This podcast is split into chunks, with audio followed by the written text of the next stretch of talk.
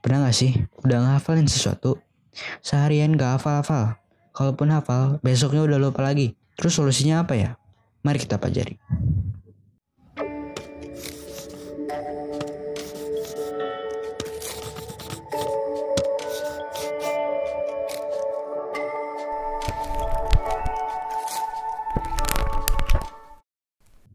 Halo, selamat datang di podcast Pelajar Indonesia. Tempatnya pelajar belajar cara belajar. Di podcast kali ini, kita akan membahas tentang cara menghafal yang efektif. Metode cara menghafal yang pertama disebut memory palace atau dalam bahasa Indonesianya istana memori. Simpelnya, memory palace adalah metode menghafal dengan mengabstraksi informasi-informasi menjadi bentuk potongan-potongan kecil, mudah dihafal dan familiar. Contoh penggunaan metode memory palace, misal pas kita SD dulu, tahu kan tanggal satuan berat eh, lagu kucing hitam dalam mobil Desi Centil mondar mandir. Tanpa kita sadari kita menerapkan metode memory palace ini dengan mengambil huruf awal masing-masing satuan berat dan diubah menjadi kumpulan kalimat yang menyenangkan untuk dinyanyikan. Dari situ kita tahu bahwa otak kita cenderung menyukai sesuatu yang menyenangkan dan sederhana. Oke, sekarang lanjut ke metode kedua, yaitu space repetition atau pengulangan berjeda. Menggunakan metode space repetition akan membuat ingatan kita sangat lama serta kuat tersimpan di otak dibandingkan dengan menghafal di waktu yang sekaligus.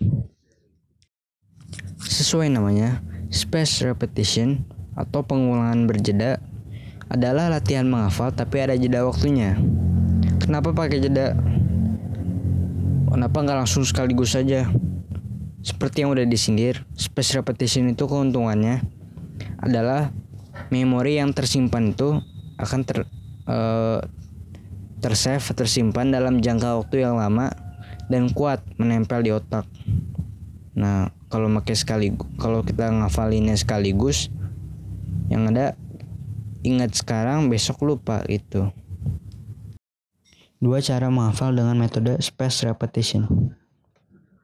Satu, dengan pengucapan dan pencatatan ulang. Baca dengan cermat, ulang beberapa kali setelah itu, diucapkan dan catat tanpa melihat bukunya. Kalau masih belum sempurna, ulang lagi. Nah, yang kedua tuh, mengulang soal ataupun materi yang sulit. Mengulang dengan mencermati betul-betul materinya dapat membuat kamu hafal dan paham. Jadi ada dua metode menghafal yang efektif. Satu memory palace atau istana memori. Dua space repetition atau pengulangan berjeda.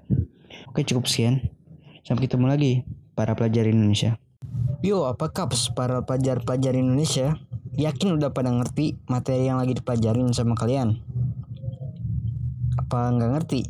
Maka dari itu, di podcast kali ini kita akan belajar cara mengukur tingkat pemahaman kita. Mari kita pelajari.